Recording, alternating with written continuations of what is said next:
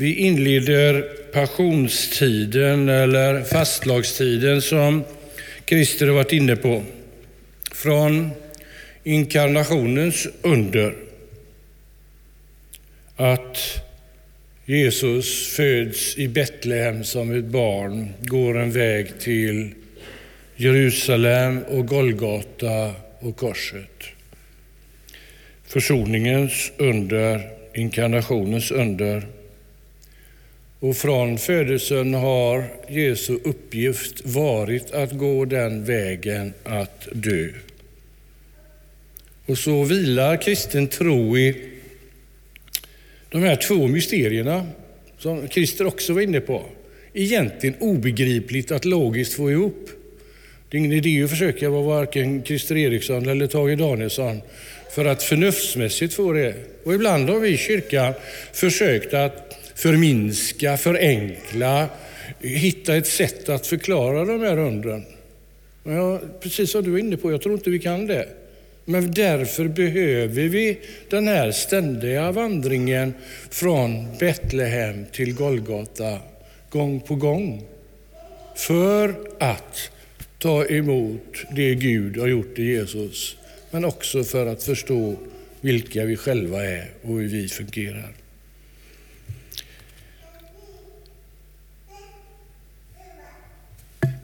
Jag tror att jag läser texten nu.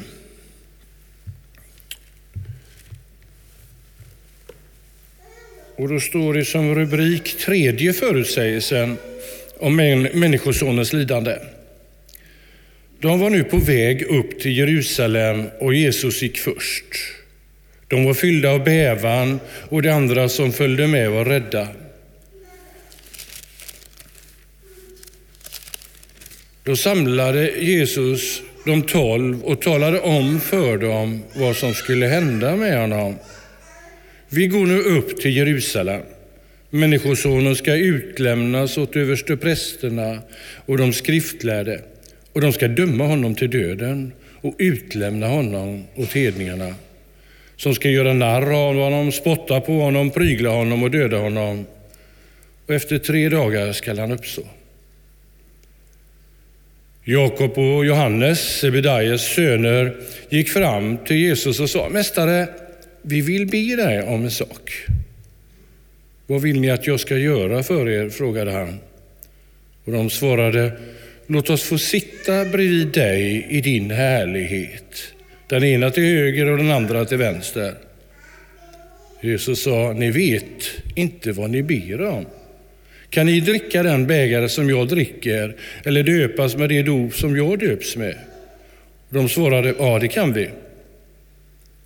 Jesus sa, den bägare som jag dricker skall ni få dricka och det dop som jag döps med ska ni döpas med. Men platserna till höger och vänster om mig kan jag bara ge dem som har bestämts därtill. När de andra tio hörde detta blev de förargade på Jakob och Johannes.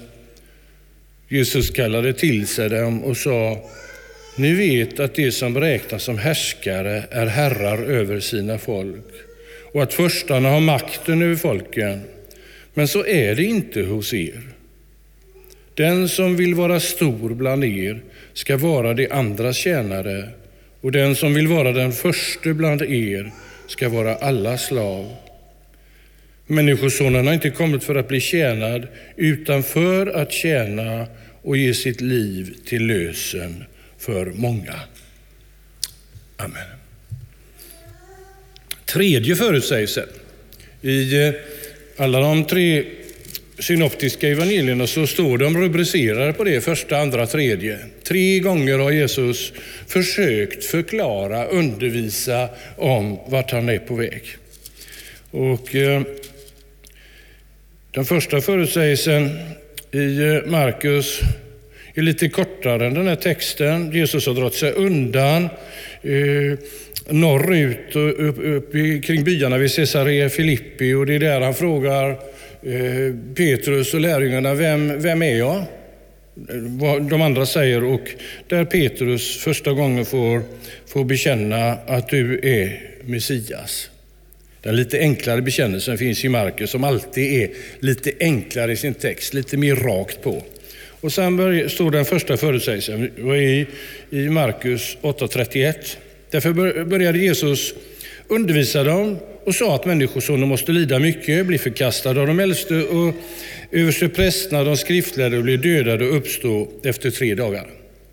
Lite kortare än vår text och det blir också en mänsklig reaktion efter den när Petrus tar Jesus åt sidan och säger nej men så här ska det inte gå till. Det här kan ju inte vara rätt. Och vi vet att Jesus ganska skarpt får, är det tillrättavisa Petrus eller vem är det han talar när han säger håll dig på din plats? Ja, det är till ondskan, det är till Satan.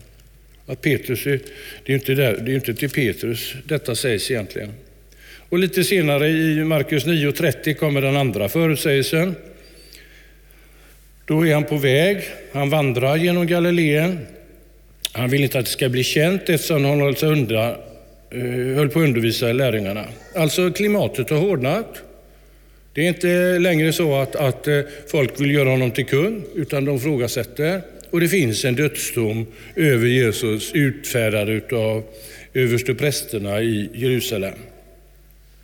Och Jesus säger Människosonen ska överlämnas i människornas händer och de kommer att döda honom och tre dagar efter sin död ska han uppstå. Och så kommer reaktionen, men de förstod inte vad han menade och vågade inte fråga. Och sen kom vår text. Lite mer specificerad, lite mer direkt talar Jesus om. Konkret berättar han vad som ska hända med honom. Han ska dömas till döden, han ska utlämnas, de ska göra narr av honom, de ska spotta på honom, de ska prygla honom och de ska döda honom. Alltså en väldigt enkel och tydlig eh, profetia om det som kommer hända. Och vi kan ju tänka, när Jesus undervisar lärjungarna så är det ju inte i de korta sammanhang som vi nu läser det. Utan det kan röra sig om timmar varje gång. Man hade gott om tid på den tiden. Och det var varmt och man satt ner och man satt kring Jesu fötter. Han undervisade och upprepade det här. Men det var omöjligt för lärjungarna att ta in det, att förstå det. För det var, det var så konstigt detta. Skall han som vi hoppas och tror är Messias, som är Guds son, han ska ju upprätta ett rike. Han ska ju upprätta ett nytt Israel. Vi ska ju bli det som vi var en gång under konung David och eh, konung Salomos tid.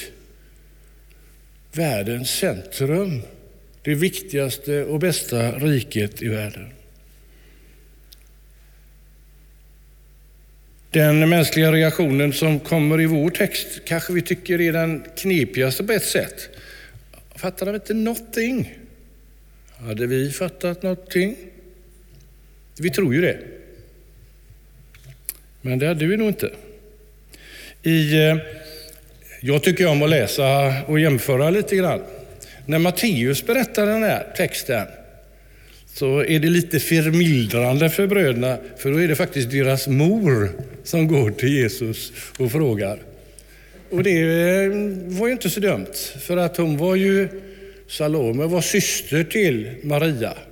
Alltså Jakob och Johannes var biologisk, biologiska kusiner till Jesus. Hon tänkte väl att eh, det är en moster måste han ju lyssna till på ett speciellt sätt.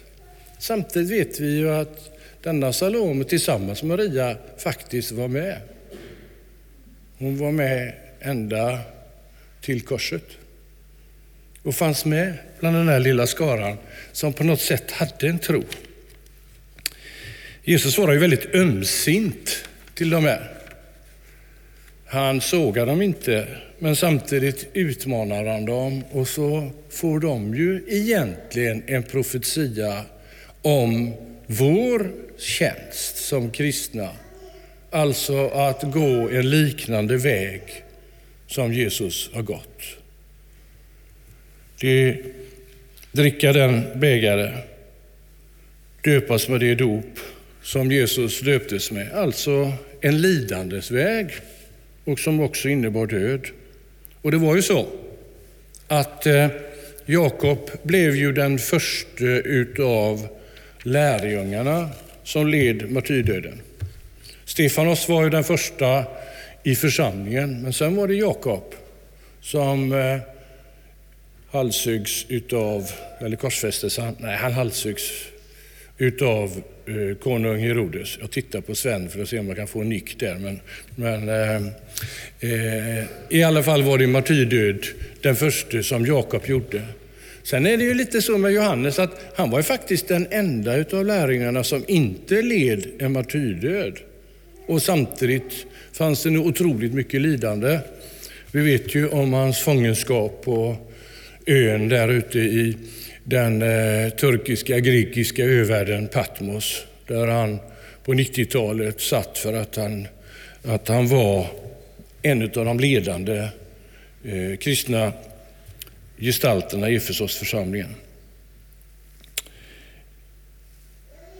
Och det är också på något sätt en, en, en, en hel sammanfattning av Jesu tjänst är att Människosonen har inte kommit för att bli tjänad utan för att tjäna och ge sitt liv till för många.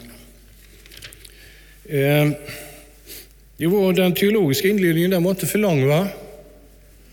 Nu är ju inte min hustru med, annars så får jag ju tidsangivelser av henne. Och som jag nämnde här en annan gång, Sven Flodén hade ju tidsangivelserna här förr i tiden när, när jag växte upp i församlingen. Men eh, den var väl inte så lång?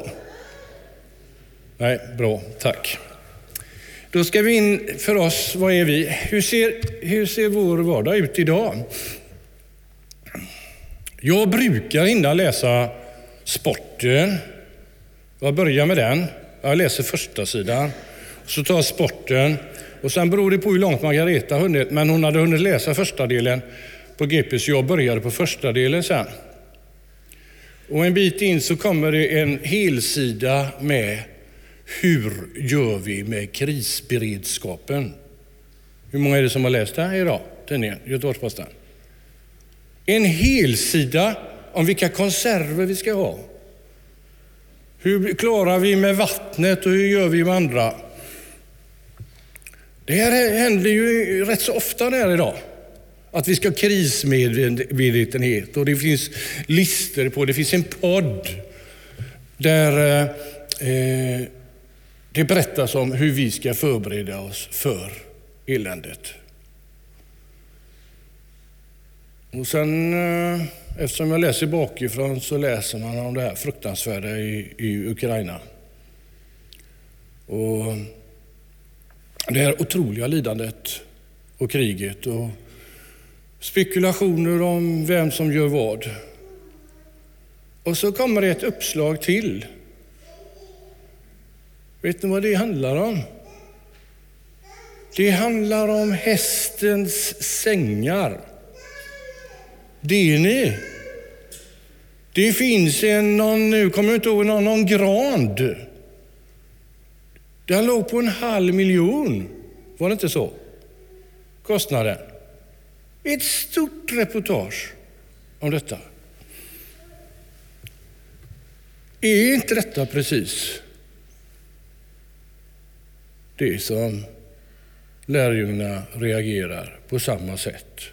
Är inte det en beskrivning av en vardag som är precis som deras vardag?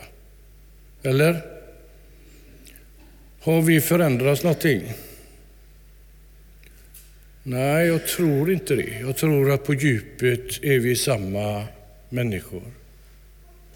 Där vi brottas mellan två olika dimensioner av vårt liv.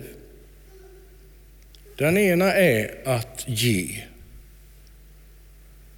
Att möta andra med kärlek. Men det finns också en kraft, en annan dimension i våra liv. Den är att bevara, att etablera, att befästa. Paulus har ju en beskrivning i det här väldigt tydligt. Och det är till de kristna han talar, det är inte till den som inte har en tro att köttet och anden ligger i konflikt med varandra. Att det är en beskrivning av vår vardag. Den utgivande kraften eller den bevarande kraften. Och vad är Paulus lösning till det? Jo, det är ju att vi ska låta oss uppfyllas mer av Guds ande. För det är Guds ande som är motkraften. Det är kärlekens möjlighet och kärlekens väg. Och Det är väldigt enkelt. Som de härliga missionare vi är, de flesta av oss från början, så har vi inte haft så hemskt mycket konkret undervisning om anden. Men det är så att när vi tar emot Jesus, och du sa att du inte tror, men det är att lita på Gud, det är precis det som är trons djupaste väsen. Nu har du gett en förklaring på det du frågade om där, va? Egentligen, du vill ha förklaring på... Ja. Tro, det är att lita på att det Gud har gjort i Jesus gäller mig. Att hålla fast vid det, att lita på det. Och det finns känslor och vilja och förnuft. Det finns hela de här processerna. Men Bibeln säger väldigt tydligt, om vi tror, om vi tar emot Jesus, då kommer Jesus, Fadern och Sonen tillsammans till oss med sin ande. Den undervisning som finns i framförallt i Johannesevangeliets innerliga undervisning, som vi brukar kalla för Jesu avskedstal. Det finns inga andra krav. Det finns inga måsten, det finns inga förut, andra förutsättningar än att tro. Precis som det är den enda förutsättningen för att vi ska få evigt liv, få syndernas förlåtelse. Det är så enkelt och ändå är det så svårt för oss. Och kanske är det just för den andra dragkraften gör att vi bedömer och låter oss bedömas utav det som finns runt omkring oss, vad andra tycker och vad vi tror andra tycker, vad andra säger. Och så vågar vi inte gå fullt ut på det som vi djupast längtar efter och känner efter.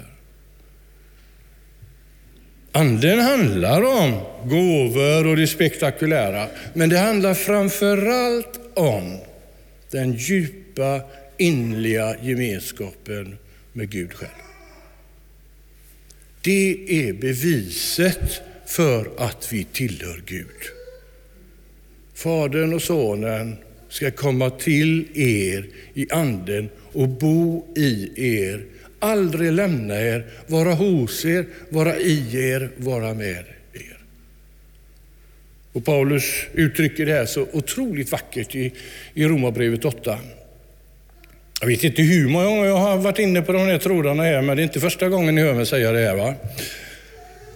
Men där står det i Romarbrevet 8 att när vi är i en sån situation att vi inte ens vet vad vi ska be om, då kommer Guds ande i oss, anden i oss, i vår djupaste personlighet tala med Gud utanför oss, i det här stora, i det som vi inte kan fatta, i det som är hela universum, som är hela Guds uppfyllande av allt.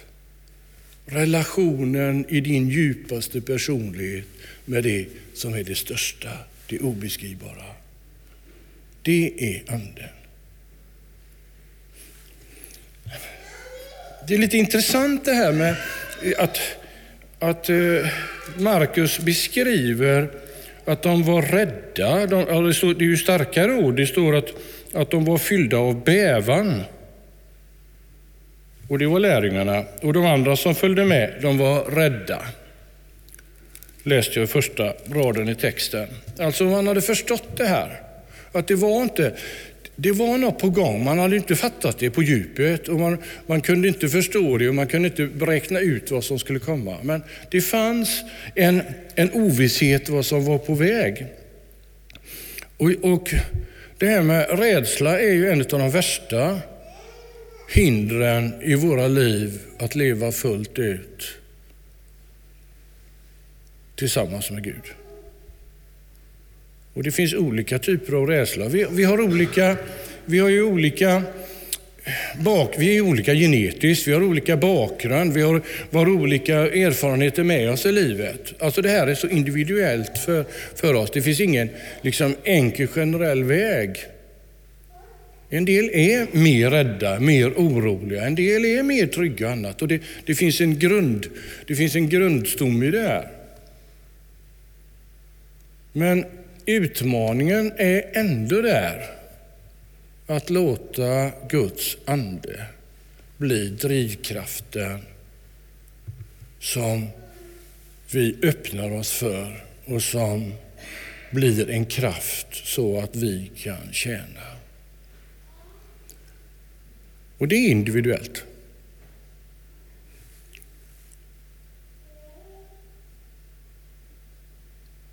En fasteperiod är ju inte så dumt att förbereda för. Jag vet inte hur många det är som fastar nu för tiden. Ni vet att den gamla protestantiska kyrkan hade faktiskt en fasteperiod redan på advent för att förbereda för inkarnationen. Och sen var det fasteperioden som eh, förberedde för påsk. Det är många som vet att man ska äta semlor på tisdag, men det är inte så många som vet varför. Det är många som fascinerande följer med de här karnevalerna som finns i den katolska världen på, på tisdag och framförallt på tisdag då. Som är ju våldsamma fester som är värre än allt annat. På något sätt tar man ut allting, allt, allt, det, allt det som man egentligen inte skulle göra, det tar man ut för att man sen ska gå in i fastan. Men i den, i den världen fastar de ju faktiskt. Ja, nu har jag ett sidospår apropå krisberedskap och så, men jag var i Tanzania ett par år på 70-talet. Och det var mycket muslimskt där jag bodde. Så att eh, det var, det var viktigt när man kom in till Ramadan. Och det var ju en pasta under en måncirkel. Så från en nymåne till nästa gång, det blev nymåne. Och då fastade man.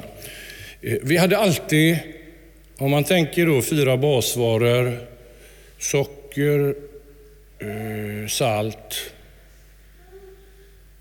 mjöl och ris, så var det alltid någon av dem som saknades i vardagen.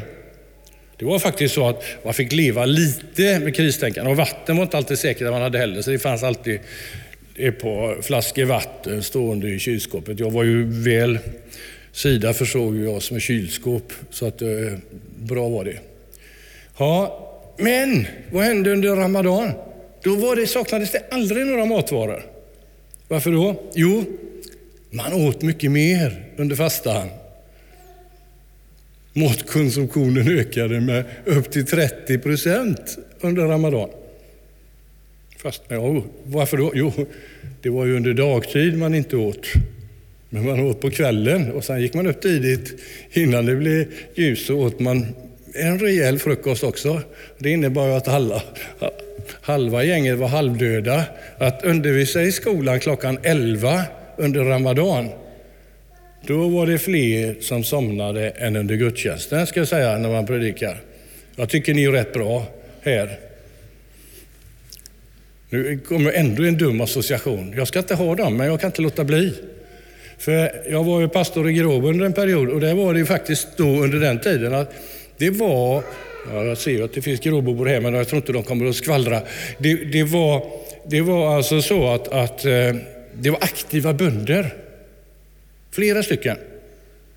Och de hade varit uppe och gjort mjölkat och gjort det andra och ätit en god frukost och sen kom in i, i kyrksalen. Det var det många som nickade till ganska gott. Jag lät dem hållas. Jag väckte ingen. Det var värre med ljudtekniken som somnade också. Men eh, det är inga problem här. Ja, det var väldigt mycket sidospår. Och det, det är ju så att det här, det här väsentliga som vi är inne på idag, det är det som är korset. Och jag tycker om att tänka på att, precis som du gav bilden här för av närvaro, att detta också är ett kors. Det finns ju ett kors här, men att detta är också ett centralt kors. Och det innehåller så mycket av det som är kors. Att kristendomen lät korset bli huvudsymbolen. Det är avskyvärda avrättningsredskapet. Att det fick bli kristendomens huvudsymbol.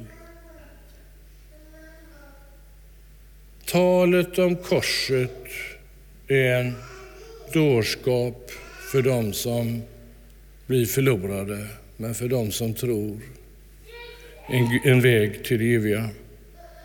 Eller om vi var inne med de tankar som vi var inne på här eh, tidigare, att det är ett mysterium. Va? Och mysterium är inte mystiskt, utan det är en hemlighet, en gudomlig hemlighet som vi inte kan tolka till. Och det är ju så att vi behöver påminnas om korset. Jag har ofta hört människor som eh, alltså kyrkan, ni, ni, ni är inte kloka. Ni, ni låter Jesus födas och sen så får han gå och så får han dö och så ner i graven upp igen. Och så håller ni på att upprepa det gång på gång. Och det har ju funnits i kretsar det här att man har inte haft kyrkoåret och det finns ju fortfarande kristna som inte gör det. Men det är en poäng med kyrkoåret. Just därför att vi tvingas, att vi, vi förs in i det här som måste upprepas. Att vi, den här vägen, att vi måste gå vägen upp till Jerusalem. För det är också på något sätt livets vandring. Och påsket lyfter fram den här egentligen stolta och vackra symbol. Korset som bli, blev och blir både hånat och ifrågasatt, men, ifrågasatt, men som är vägen till Guds hjärta, till hans kärlek, till hans nåd och hans förlåtelse. Tack Jesus för att du var lydig ända in i döden som Paulus beskrev och som vi sjöng om förut. För att du inte tog det gudomliga utan avstod och blev som en av oss. Så får vi förstå vem du är, Gud. Hjälp oss att Våga tro lite mer, ta in lite mer tillit under den här perioden och låta förståelsen om vad du är bli något större och något mer kanske. Och hjälp oss också att förstå vårt eget inre, där vi själva ibland är mer splittrade än vi borde vara, men också att du genom din Ande kan hjälpa oss att gå en tjänande väg. Amen.